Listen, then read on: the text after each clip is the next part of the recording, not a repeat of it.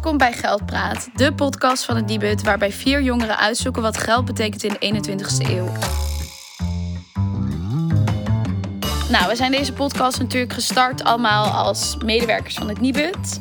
En de droom van het Nibud is een Nederland zonder geldzorgen. Met deze podcast willen we daar een stukje aan bijdragen door geldzaken bespreekbaar en toegankelijk te maken. We zitten hier uh, vandaag met uh, Maurice Kneinenburg. Maurice, jij bent voorzitter van de Nationale Jeugdraad en het CER Jongerenplatform. Wat is dat? Uh, vertel ja, eens. Nee, klopt. Een hele goede vraag.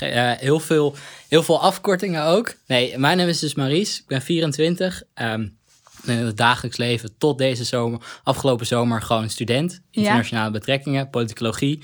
Um, en daarnaast ook voorzitter van de Nationale Jeugdraad. Dat is de koepelorganisatie van eigenlijk alle grote nationale jonge organisaties in Nederland. Dus in die zin vertegenwoordigen wij een beetje de belangen van onze generatie. Een paar miljoen jonge mensen ja. uh, in Den Haag, uh, bij de VN. Nou, dus je kan het zo gek nog niet bedenken. Overal waar het gaat over jongeren, proberen we ervoor te zorgen dat ook jongeren mee kunnen praten dat het uiteindelijk ook over onze toekomst gaat.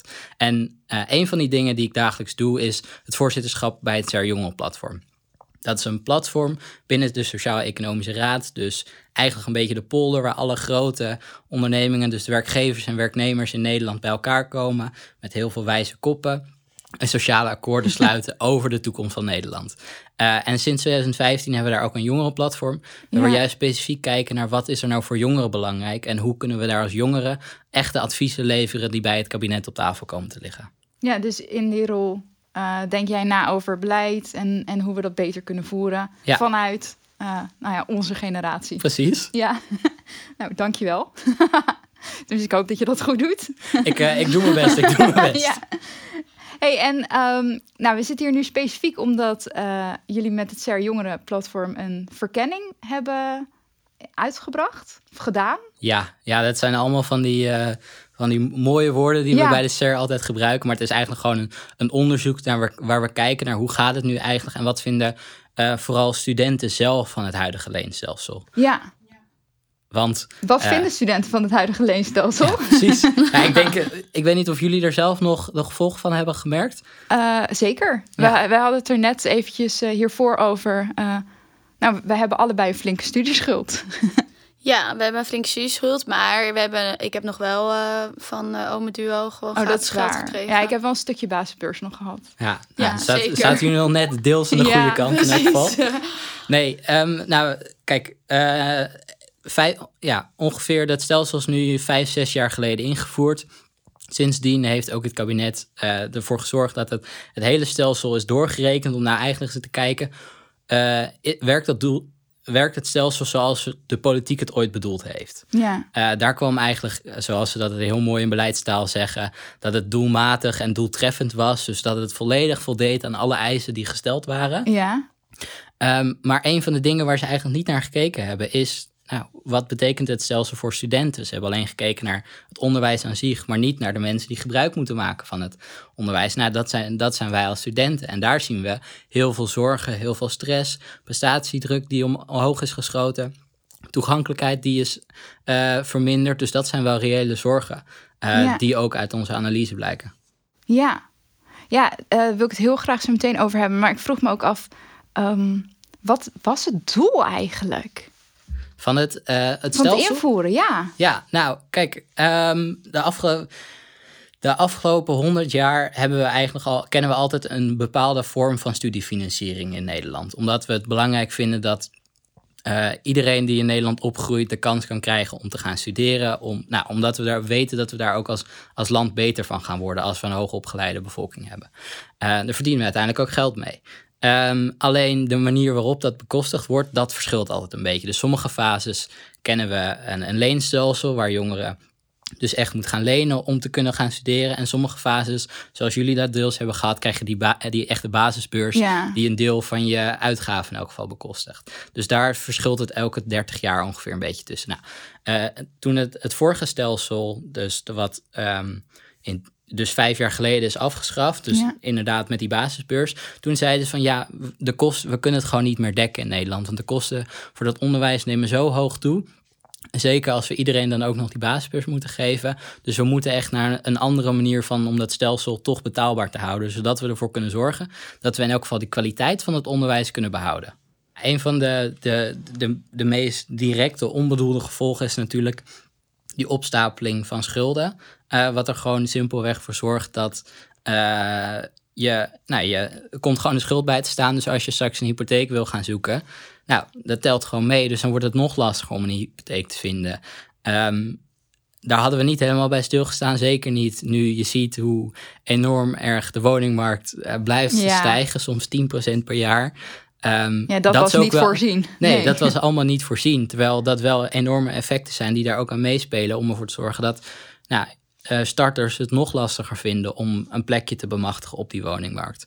Um, tuurlijk, daar spelen ook andere effecten mee. Dat we te weinig gebouwd hebben, wat dan ook. Maar zeker dat leningstukje speelt daar echt wel mee. Uh, tegelijkertijd zien we ook um, nou, een bepaalde druk uh, bij studenten opkomen. Ze zeggen, ja, dit, dit kost me best wel veel geld. En de inkomenspositie van studenten is sowieso best wel penibel. Dat zien we nu met corona. Heel veel jongeren hadden natuurlijk werkte in de horeca of wat dan ook, bijbaantje waar ze hun huur van konden betalen en een deel van hun collegegeld. Ja, dat is voor veel mensen helemaal weggevallen. Uh, dat betekent natuurlijk dat ze nu nog meer mogen gaan lenen, want dat is de generatie. Wij zijn de generatie waar tegen gezegd is, maar als je duo kan gebruiken, dan kan je nog wel wat extra bijlenen. Ja. Om deze periode door te komen. Um, is dat we zien dat studenten heel goed na gaan denken over waar ga ik mijn tijd en mijn geld aan besteden. Dus dat ze minder snel voor vrijwilligerswerk kiezen, minder snel kiezen voor een bestuursjaar, voor extra vakken die niet zozeer nodig zijn om precies het aantal punten te halen, om uiteindelijk je diploma te kunnen halen. Allemaal gevolgen die ervoor zorgen dat uh, zo'n tijd die eigenlijk ook bestempeld is om je verder te ontwikkelen, dingen te doen die niet altijd per se met studie te maken hebben, die ook vet belangrijk zijn in die tijd, dat dat allemaal een stukje minder wordt. Uh, terwijl dat in, ja, skills zijn die je best wel kunnen helpen als je straks de arbeidsmarkt opkomen. Als je dat, die ervaring hebt. Want werkgevers kijken er nog steeds wel naar. Die kijken niet alleen naar welke cijfers je gehaald hebt, ook wat je voor de rest nog hebt gedaan. Um, wat we ook nog zien is dat um, nou, best wel wat studenten die kiezen er minder snel voor om, om uit huis te gaan, worden minder zelfstandig. Ja. Um, nou, ouders moeten nog steeds heb, hebben best wel mee moeten betalen uh, voor zeker middeninkomens. Dus de kinderen daarvan die gaan studeren. Terwijl dat best wel lastig is voor die ouders, omdat ze eigenlijk dat gat niet op kunnen vangen. Wat, wat normaal gesproken door een basisbeurs vergoed oh, zou worden. En dan hebben we wel een aanvullende beurs. Nou, dan zien we tegelijkertijd dat een kwart van alle studenten die daar recht op zou hebben. Ja. Die maakt er geen gebruik van, omdat dat die hebben er wel recht op, maar die maken geen gebruik. Ja, omdat het een hele ingewikkelde procedure is en die een stuk, stukje lastiger is dan de drie knoppen op de Duo-website om je uh, standaard lening, leningsbedrag per, per maand te verhogen. Um, dus er zijn best wel veel gevolgen die niet zozeer bedoeld waren, maar die wel het, het gevolg zijn van uh, de invoering van zo'n leenstelsel. Met het Nibud doen we elke vier jaar onderzoek naar de geldzaken van studenten. In Nannes Geldlab horen we hier meer over. In Nannes Geldlab ga ik elke aflevering op zoek naar de wetenschap achter ons geld. Hoi, ik ben hier met Annette, collega van het Nibud. En Annette, jij hebt onderzoek gedaan naar uh, de financiën van HBO- en WO-studenten. Kun je mij iets vertellen over uh, de bevindingen die het Nibud heeft gedaan? Ja, dat kan ik zeker. Um, allereerst zal ik beginnen met een aantal positieve ontwikkelingen die we zien ten opzichte van de vorige keer dat we het onderzoek hebben uitgevoerd in 2017. En we zien in dit onderzoek dat studenten beter kunnen rondkomen en ook aangeven minder geld tekort te komen. Daarnaast uh, spaart 91% van de studenten. En uh, dat is, uh, zijn meer studenten dan in 2017. En het zal natuurlijk deels komen door de coronapandemie, want we zien dat 24% van de studenten door de crisis meer zijn gaan sparen we zien ook dat het percentage studenten met een studieschuld is gedaald van 73% naar 65%. Oh, dus dat is eigenlijk hartstikke goed. Ja, dat gaat heel erg goed. Maar we zien ook wel een aantal uh, nou, wat minder positieve ontwikkelingen. Zo zien we in het onderzoek dat studenten afhankelijker zijn geworden van hun ouders. de financiële rol van ouders is toegenomen. Uh, we zien dat meer uh, studenten geld ontvangen van hun ouders en ook met een wat hoger bedrag dan in 2017. En ook dat studenten vaker bij hun ouders thuis blijven wonen. Uh, we zien ook dat er zorgen zijn over de studieschuld. Want bijna de helft van alle studenten met een studieschuld heeft een schuld die hoger is dan 10.000 euro. En ruim de helft van deze studenten met een studieschuld maakt zich zorgen over de gevolgen van latere financiële beslissingen, zoals bijvoorbeeld het kopen van een huis. En ook wordt in het onderzoek de lening bij DUO veel minder als een investering gezien in de toekomst dan in 2017. En daarnaast zien we ook dat de kennis van het leenstelsel is gedaald. Uh, studenten weten nu minder goed vanaf welk moment de rente over de schuld wordt gerekend. En ze weten ook minder goed wanneer en hoe ze het studentenreisproduct kunnen stopzetten. Mm Ja. En het minst bekend zijn eigenlijk de regels rondom bijverdienen en de aanvullende beurs. Okay. Dus dat zien we als drie zorgelijke ontwikkelingen. Ja. ja, dat is niet al te best. En wat is het advies van het NIBUD uh, voor studenten? Um, nou ja, het zou mooi zijn als, um, als er gezorgd gaat worden voor een, uh, ja, toch een soort van inkomen voor studenten. Een inkomensdeel dat ze niet hoeven te lenen. Waardoor ze minder zelfstandig uh, of minder financieel afhankelijk zijn van hun ouders. En meer financieel zelfstandig kunnen zijn.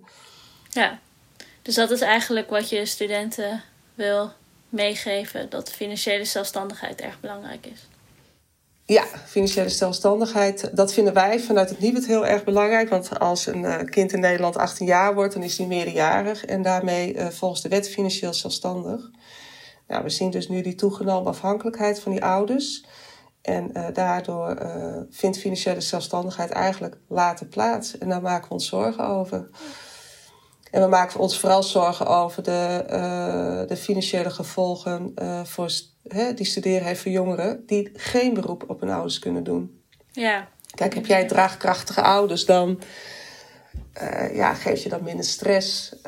en je kunt zelfs besluiten om maximaal te gaan lenen, omdat je ouders je wellicht wel helpen om later je studieschuld af te betalen.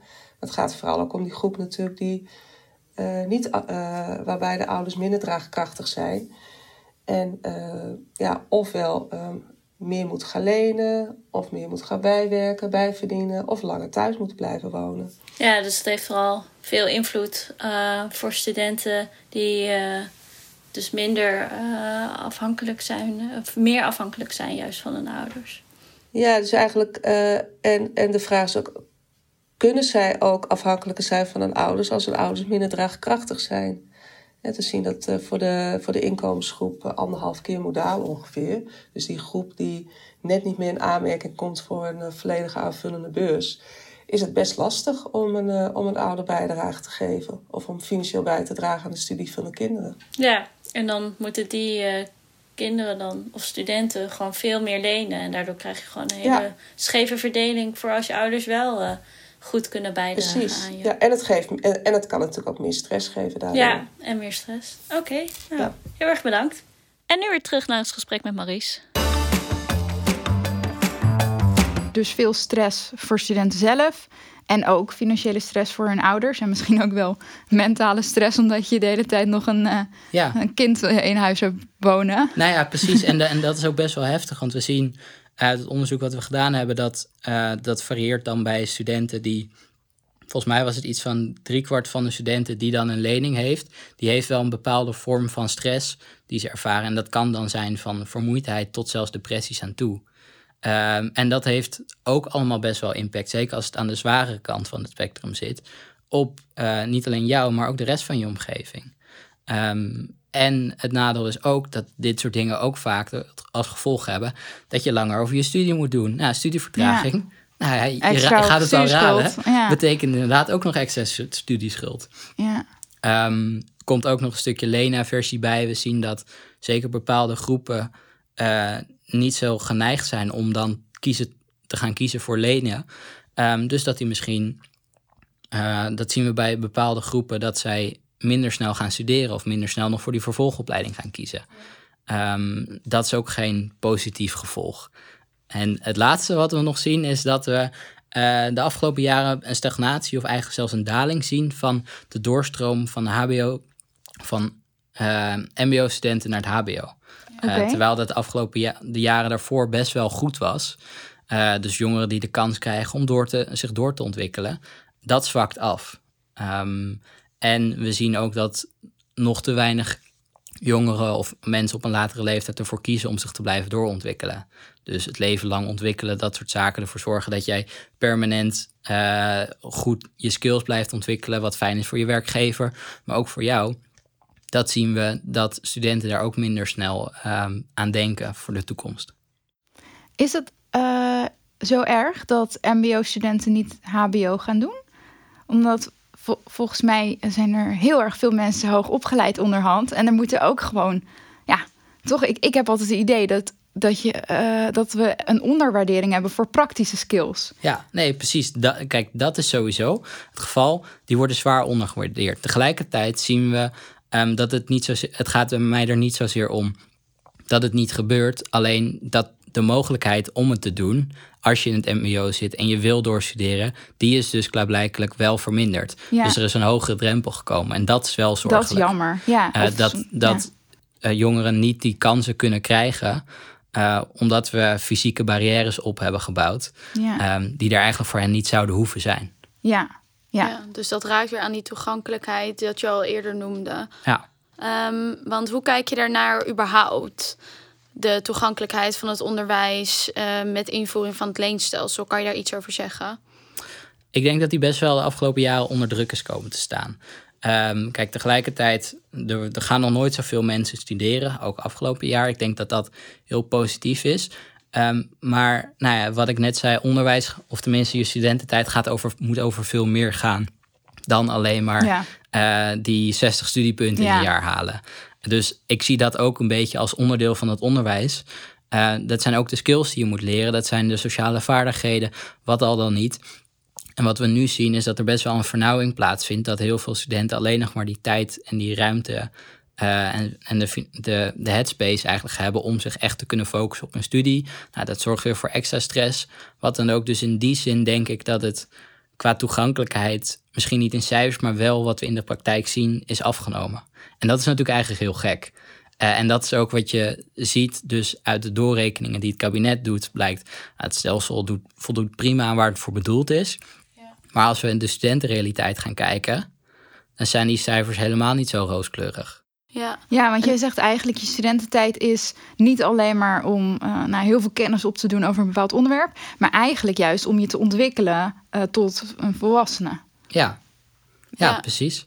En ik denk als ik dan ook denk aan toegankelijkheid en het leenstelsel, dan zou ik me ook zomaar kunnen voorstellen dat er bepaalde groepen zijn die misschien wat toegang hebben tot het onderwijs, maar met een veel grotere schuld eindigen dan uh, studenten die misschien wel vermogende mensen hebben in hun omgeving die bij kunnen dragen. Dus ik denk, wordt daar naar gekeken, weet je dat? Nou, wat wij in elk geval inderdaad zien is dat er, um, dat zagen we, misschien, ja, tijd om een stapje terug te doen. Twee jaar geleden hebben we met het Ser Jonge platform een heel groot onderzoek uitgebracht. Waar we gekeken hebben naar hoe staat het eigenlijk voor met het leven van een twintiger in Nederland. Ja. Um, hoge verwachtingen heet dat. Uh, nou, een beetje kenmerkend voor de hoge verwachtingen die mensen vooral hebben van onze generatie. En wat we toen eigenlijk zagen is dat er. Dus, dus er spelen eigenlijk twee dingen. Jongeren zijn sinds de economische crisis van 2008, waar eigenlijk twee grote verliezende groepen waren, um, praktisch opgeleide en jonge mensen, um, zijn. Uh, er is veel meer onzekerheid in het leven van vooral jonge mensen geslopen. Uh, dus nou, als we het hebben over flex, als we het hebben over inderdaad die druk, als het gaat over uh, je studieschuld. Nou, zo kan ik wel even door blijven gaan. Zeker corona heeft daar absoluut geen positieve gevolgen voor. Nee. Is dat de mijlpalen in het leven van zo'n jongere uit zijn gesteld. We zien dat voor sommige groepen dat helemaal nog niet het geval is. Dus die, dat ze die, die mijlpalen uit aan het stellen zijn. Omdat ze in het juiste netwerk opgroeien. Kijk, als je in een, oh, okay. als je in een goede omgeving opgroeit, nou, dan hebben je ouders of je mensen om je heen hebben dat netwerk, kunnen je helpen, kunnen je extra linkje geven, kunnen je beter helpen met de begeleiding van je onderwijs. We zien de afgelopen jaren natuurlijk, nou ja, dat is bekend dat uh, hoogopgeleide sowieso meer kans hebben. En zeker als hun ouders ook hoogopgeleid zijn, dat ze sneller gaan studeren dat zijn allemaal dingen die meespelen, waardoor er eigenlijk steeds meer die kansenongelijkheid, waar we het al jaren in Nederland over hebben, dat we die aan het verkleinen zijn, ja. die wordt eigenlijk veel groter. Dus je hebt de groep waar het heel goed mee gaat en die dus heel veel kansen hebben en heel veel kunnen bereiken in het leven. En die groep waarvoor die kansen steeds meer uit zicht komen. Omdat zij niet in dat netwerk zijn opgegroeid. Dus niet die ouders hebben die bij kunnen springen tijdens hun studie. Dus daardoor zich vol moeten focussen op die studie en twee bijbaantjes ernaast moeten doen. En dus niet zoals dat vriendinnetje wat drie straten verderop is opgegroeid, maar wel dat goede netwerk heeft dankzij haar ouders of van oom of wat dan ook. Um, nou, dat plekje krijgt in het, in het goede studentenhuis. Um, kan gaan reizen tijdens de studietijd. Uh, besturen kan gaan doen. Vrijwilligerswerk kan gaan doen. Wat dan ook. Dat zijn, je, je zou zeggen op de, op de middelbare school zijn beide, als we het even twee meiden noemen, uh, die naast elkaar opgegroeid zijn. Uh, hebben nog dezelfde kans in het leven. Ze hebben dezelfde eindcijfers gehaald, wat dan ook. Maar komen dan, of het nu MBO, HBO, VO is, uh, diegene met het betere netwerk en die een betere sociale omgeving is opgegroeid, heeft veel meer kansen om, uh, om in het leven ook echt te ontwikkelen. Zoals we dat altijd wel zeggen, dat we dat voor die ander ook doen. Maar het praktijk is dat die twee veel meer uit elkaar groeien. Ja, en dus zo'n, sorry, het afschaffen van de basisbeurs zorgt er dus voor dat dus hè, uh, meisje A ja. ja. nog slechter af is eigenlijk. Want die moet een hogere studieschuld aan. Ja. Hij heeft er zo meteen heel veel last van. Ja, precies. Ja. ja, dat keuze- en kansen-element, daar gaat het gewoon om. Van aan de voorkant zeg jij, we moeten gewoon aan de voorkant alle voorwaarden en kansen en keuzes bieden aan iemand. En wat er dan vervolgens mee gedaan wordt. Of die MBO'er zegt van, oh, nou, ik kan naar het HBO. Maar weet je, ik, ik kies graag voor een praktisch beroep. Of dat je de MBO'er hebt die zegt van, oh, nou, wat mooi dat ik naar het HBO kan. Ik ga dat doen. Dat in ieder geval die kansen gelijk zijn en wat mensen er dan uiteindelijk mee doen dat, is aan hen zelf. Weten. Maar nu is het dus zo dat die kansen gewoon steeds schever verdeeld raken. Door inderdaad de basisbeurs, door die leningen. Dat het ook mee wordt genomen in je hypotheek. Dat... Ja, en dan is het zo, op papier kan het dan nog steeds zo zijn... dat we die kansgelijkheid enorm bevorderd hebben. Want iedereen heeft diezelfde kans om te gaan studeren. En als jij uh, ouders hebben die voldoende kunnen meebetalen... Nou, dan kom je dus niet in aanmerking voor die aanvullende beurs. We vertellen er niet bij dat het uh, een enorm ingewikkeld is om precies uit te vogelen hoe dat precies zit. Waardoor nu dus 25% van de studenten daar geen gebruik van maakt, terwijl ze er wel recht op hebben. Nou, zo kunnen we nog wel even doorgaan. Ja, want daar heb ik uh, nog wel een vraag over. Van, uh, je hebt inderdaad die aanvullende beurs. En uh, wij weten ook dat het bij toeslagen is dat de studenten dat heel weinig aanvragen. Terwijl ze er vaak wel recht op hebben, bijvoorbeeld op zorgtoeslag. Nu noem je ook die aanvullende beurs. En daarbij zeg je vooral dat het ingewikkeld is om het aan te vragen. Wat ontbreekt er dan nog qua kennis op die, op die elementen? Of wat kan je doen? Wat doen jullie? Kan je daar iets over vertellen? Nou, ik denk dat er een wereld te winnen valt op informatievoorziening. Um, dat begint aan de voorkant, maar ook tijdens het proces. Kijk, um, als, je, eh, als je de tv aanzet, komen er twintig reclames voorbij om een nieuwe hypotheek af te sluiten. Hè? Of een lening af te sluiten. Er staat altijd zo'n blokje en. Geld lenen kost geld. Let op, geld, geld lenen kost geld. Ja. Maar als ik naar Duo ga, kan ik in principe binnen drie klikken, zonder check of wat dan ook, zonder uitleg, kan ik het maximale leenbedrag uh, opvragen. Ja, ze hebben zo'n tooltje ergens waar je dan kan berekenen hoeveel je zou kunnen aanvragen op basis van je uitgavenpatroon. Maar dat is niet waar je mee begint, meestal. Um, en het is niet dat we dit op de middelbare of wat dan ook uitleggen van ja, je gaat straks studeren. Dit zijn een beetje de dingen waar je rekening mee moet gaan houden. Ik kan uh, ook huishoudboekje uh, opmaken als je op jezelf gaat wonen. het is maar als je dat van je ouders meekrijgt hoe dat moet. Ja. Ja. ik kan me ook niet herinneren dat je een soort van uh, voorwaarde, voorwaarde hebt geaccepteerd. Uh, nee, hè? Nou, niet bewust gedaan nee, in ieder bij geval. Duo, bij de duo inderdaad. En ik vind het ook wel zorgelijk dat het vanuit jongeren zelf wordt verwacht... dat je inderdaad al zo'n toeltje invult. In hoeverre kan je dat verwachten?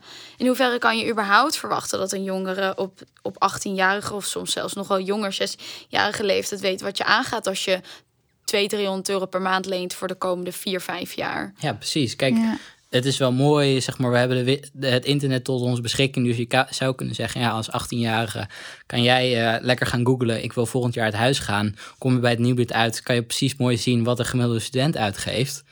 Uh, en op, daar, op basis daarvan een beetje je begroting maken. Ja. Maar daar komt niet elke student op uit.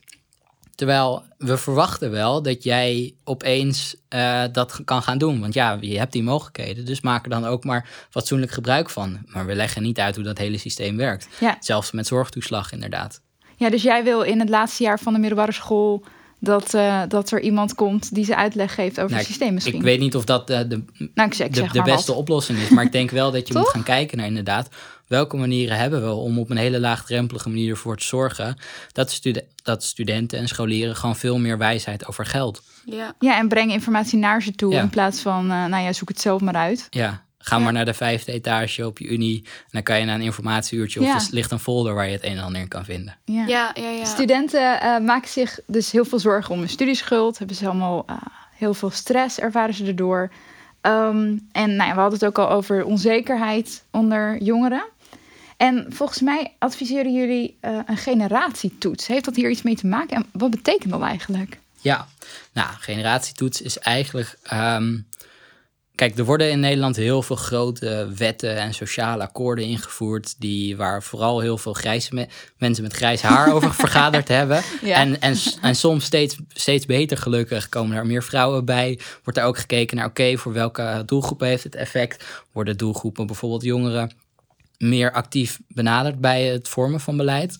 Ehm, maar uiteindelijk weten we nog te weinig wat nou eigenlijk de echte effecten gaan zijn voor nieuw beleid wat ingevoerd wordt voor verschillende generaties. Bijvoorbeeld zo'n leenstelsel, wat zoals nu blijkt allemaal ja, niet zo fijne gevolgen heeft voor studenten als ze de, de woningmarkt opgaan. Terwijl dat is niet waar het leenstelsel voor bedoeld is. Dus daar zouden we normaal gesproken ook niet naar kijken. Maar wat wij twee jaar geleden, toen we zeiden van eh, met het Ter Jonge platform, je moet eigenlijk zo'n generatietoets in gaan voeren die, die gewoon gaat controleren wat nieuwe grote wetten of sociale akkoorden gaan betekenen voor verschillende generaties, waaronder jongeren.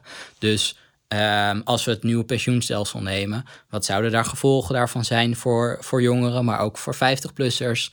Ehm, kunnen we dat nog bijsturen, zodat we duidelijk in kaart maken, brengen wat de keuzes zijn die we als land maken? Dan wordt het misschien ook wat eenvoudiger om bij te sturen op die neveneffecten die, die echt niet bedoeld zijn bij dat beleid, maar die vaak wel gevolgen zijn van dat beleid. Geldpraat op straat. Ik ging de straat op en ik vroeg: lenen bij Duo is niet erg. Dat is een investering in de toekomst. Ik vind lenen bij Duo zeker niet erg. Want ik zie het zeker als een investering in de toekomst. En ja, ik ben me daar ook altijd wel bewust van geweest. Ook op, eh, ja, ik heb dus een aantal studies niet afgemaakt. En eigenlijk bij die eerste twee had ik dat gevoel ook wel. Dus ben ik ook heel bewust op dat moment met mijn leningen omgegaan. En heb ik nooit meer geleend dan nodig was. En ja, het is wel jammer dat ik dat dan nu uiteindelijk allemaal eh, alsnog helemaal terug moet betalen. Maar ja, als je er bewust mee omgaat, eh, is het zeker een investering voor de toekomst. En dus zeker niet erg. is niet ergens een investering in de toekomst. Nee, zo zie ik dat helemaal niet. Ehm, het is namelijk redelijk onvrijwillig. Dat wil zeggen dat je natuurlijk vrijwillig studeert, maar je voelt je gedwongen. Je bent misschien nog wel gedwongen als je bepaalde dingen wilt doen. En je ja, kiest daarmee als je dat doet, maar waarvan ik dus stel dat het helemaal niet zozeer een keuze is dat je ook echt reëel kan zeggen dat je het niet doet. Kies er dus eigenlijk voor, of heb je dus eh, de gevolgen dat je dus een studieschuld opbouwt, waardoor je dus inderdaad niet meer een huis gaat kunnen kopen. Ehm, en je gewoon een hele tijd in ieder geval onvrij voelt en, en financieel niet, niet fijn, niet onafhankelijk. Uh, dus nee, leen bij duur is wel erg. En het is niet per se alleen maar een investering in de toekomst. Veel studies overigens uh, uh, krijg je ook helemaal niet eens een fatsoenlijke baan waar je echt iets uh, mee terugverdient. Of het een investering in de toekomst is, ja, dat is studeren de zo verkoopste in ieder geval. Maar lenen bij Duo is wel veiliger dan bij grote banken of weet ik veel wat. Omdat je rente gewoon gekoppeld is aan de rente van het terugbetalen van de bank. En dus ja. in principe klinkt de lening wel veilig. En zul je daar geen probleem mee hebben. En rentepercentage en zo, dat gaat allemaal wel goed. Dat is wel decent geregeld. Ja, je vertrouwt er ook op dat het gewoon 0% rente blijft. Uh, ik denk dat anders ook wel heel erg veel uh, gezeur om zou komen als ze dat zouden verhogen. Volgens mij mogen ze dat überhaupt niet doen. Geen idee. Ja, het duurt maar... vijf jaar of zo. Ja. Voor vijf jaar wordt vastgezet. Um, en inderdaad, wat we ook al zeiden van met onze studie kom je hoogstwaarschijnlijk wel aan een baan. Dus dan uh, is het inderdaad een investering in de toekomst. Dan voelt het niet echt alsof je geld weggooit of uh, zo meteen met een lening zit die je niet kunt afbetalen. Lenen bij Duo wordt te makkelijk gemaakt. Dat vind ik moeilijk om te zeggen, omdat het eigenlijk natuurlijk je eigen verantwoordelijkheid is. En ja, ik heb wel eens gemerkt dat uh, als ik dan net iets meer nodig had, dat ik dan inlogde bij Duo om het uh, iets te verhogen voor een maand. Dat het uh, natuurlijk heel makkelijk is om het gewoon op maximaal te zetten. En ik denk dat heel veel mensen daar nat op gaan. Maar ja, te makkelijk vind ik moeilijk te zeggen. Het is gewoon je eigen verantwoordelijkheid. Ja, het is makkelijk, maar anders zou niemand meer gaan studeren. Dus het moet makkelijk zijn. Nee, het wordt inderdaad heel makkelijk gemaakt. Maar waarom te makkelijk? Omdat mensen allemaal studieschulden gaan opbouwen? Ja, zeg het maar. Ik bedoel, lenen is makkelijk, maar lenen is noodzakelijk en dat doe je maar gewoon. Ik, ik vind het eigenlijk wel prima zoals het is. Ik vind het maximum van 1000 wel gewoon een goede. Want dan kan iedereen gewoon zijn huur betalen. En anders woon je in best wel een heftig duur appartement voor een student. Ik maak me zorgen of ik mijn studie binnen de gestelde tijd kan afronden, omdat ik anders alles moet terugbetalen. Ik maak me zorgen uh, of ik uh, mijn studie binnen de gestelde tijd kan afronden. Nee, ook niet. Ik denk dat ik dat wel haal. Dus dat terugbetalen van die, inderdaad die prestatiebeurs is ook niet zo erg. Uh, sterk nog, het lijkt me best een goed principe dat dat bestaat. Die enige druk mag er wel zijn. Ik maak me zorgen over het afbetalen van mijn studieschuld in de toekomst. Over het afbetalen van mijn studieschuld, uh, ja, daar heb ik wel eens wakker om gelegen. Maar dat was eigenlijk omdat ik me er toen nog niet in had verdiept. En als je je wat beter verdiept in de aflossingsmogelijkheden, dan kom je er toch al gauw achter dat uh, zelfs met een niet uh, super salaris, dat je, nou ja, als je gewoon een klein beetje aan de kant zet, zeker met het tijdsbestek die, dat je hebt om het af te lossen, dat dat eigenlijk best prima te doen is. Dus ja, hedendaags maak ik me daar weinig zorgen om eigenlijk. Ik maak me geen zorgen over het afbetalen van mijn studieschuld, denk ik, omdat ik, ja, sowieso de manier waarop dat gaat natuurlijk is vrij soepel. Je betaalt een bepaald percentage naar wat je hebt en naar wat je kwijt kan. Dus dat zal niet te hoog zijn. Ook ga ik daar eigenlijk stiekem vanuit dat ze tegen de tijd dat ik het af ga betalen, dat ze hem een keer hebben met terugwerkende kracht weer afgeschaft. Als we de goede partijen stemmen. Um, stiekem gok ik daar gewoon op. Dus nee, daar maak ik me niet zoveel zorgen om. Ja, daar heb ik me wel zorgen over gemaakt. Maar inmiddels uh, is het niet anders. Dus vind ik het ook uh, onnodig om daar uh, heel lang van wakker te liggen. Ik maak me zorgen over de gevolgen van mijn studieschuld voor latere financiële beslissingen, zoals een huis kopen. Ik maak me eigenlijk weinig zorgen over de gevolgen van mijn studieschuld voor het uh, ja, aandoen van grote aankopen later, zoals het kopen van een huis. Um, vooral omdat het voor mij persoonlijk nu nog heel erg ver weg klinkt. Dus daar ook gewoon niet zo heel veel mee bezig ben. En uh, ja, ik maak me ook eigenlijk meer zorgen over het feit of ik überhaupt een huis kan kopen. Omdat dat uh, ja, vandaag de dag natuurlijk lastig is. Zeker in de Randstad. Ik ga er inderdaad vanuit dat ik niet meer een huis ga kunnen kopen. Of weet ik veel andere dingen naar huis. Um, dat is super stom. ik maak me op zich wel een beetje zorgen over latere financiële beslissingen. Door studieschuld.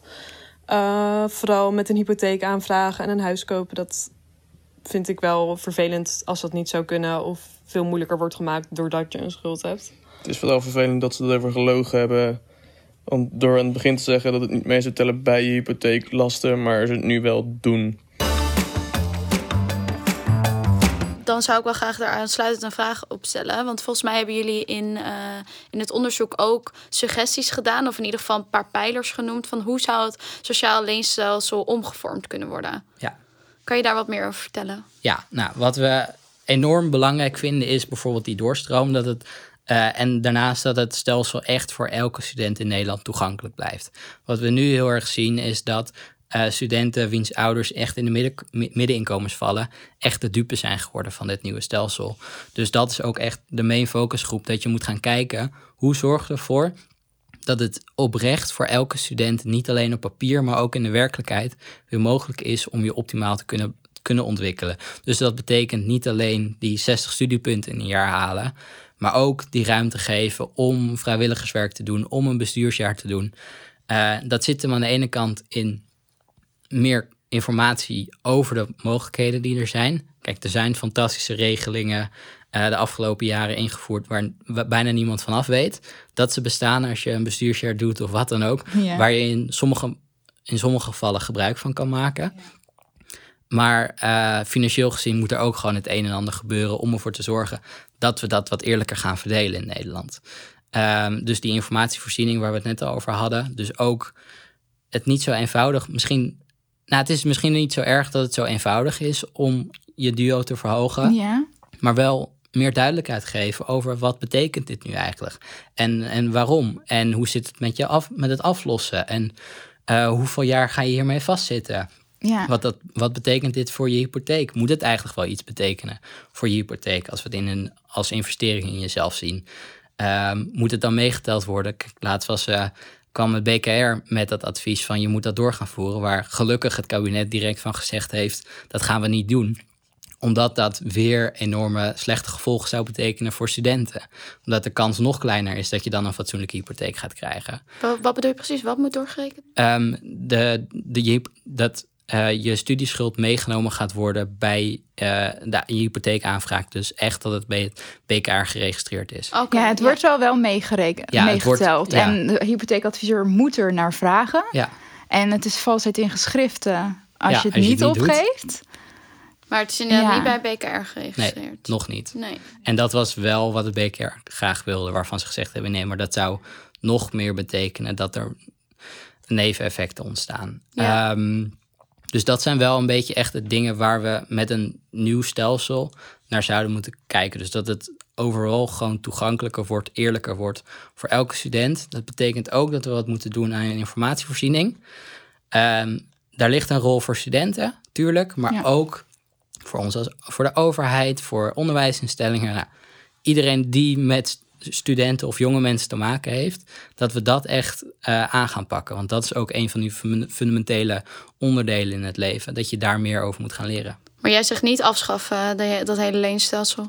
Um, nou, ik denk dat er verschillende manieren zijn om ervoor te zorgen dat, er, dat studenten er beter van gaan worden. Kijk, je, er, er zijn van alle, allemaal geluiden. Dat zit hem in iedereen een, een basisbeurs gaan, weer gaan werken met een basisbeurs en een aanvullende beurs. Dat kan op allerlei verschillende manieren. Uh, ik denk niet dat er één perfecte oplossing is.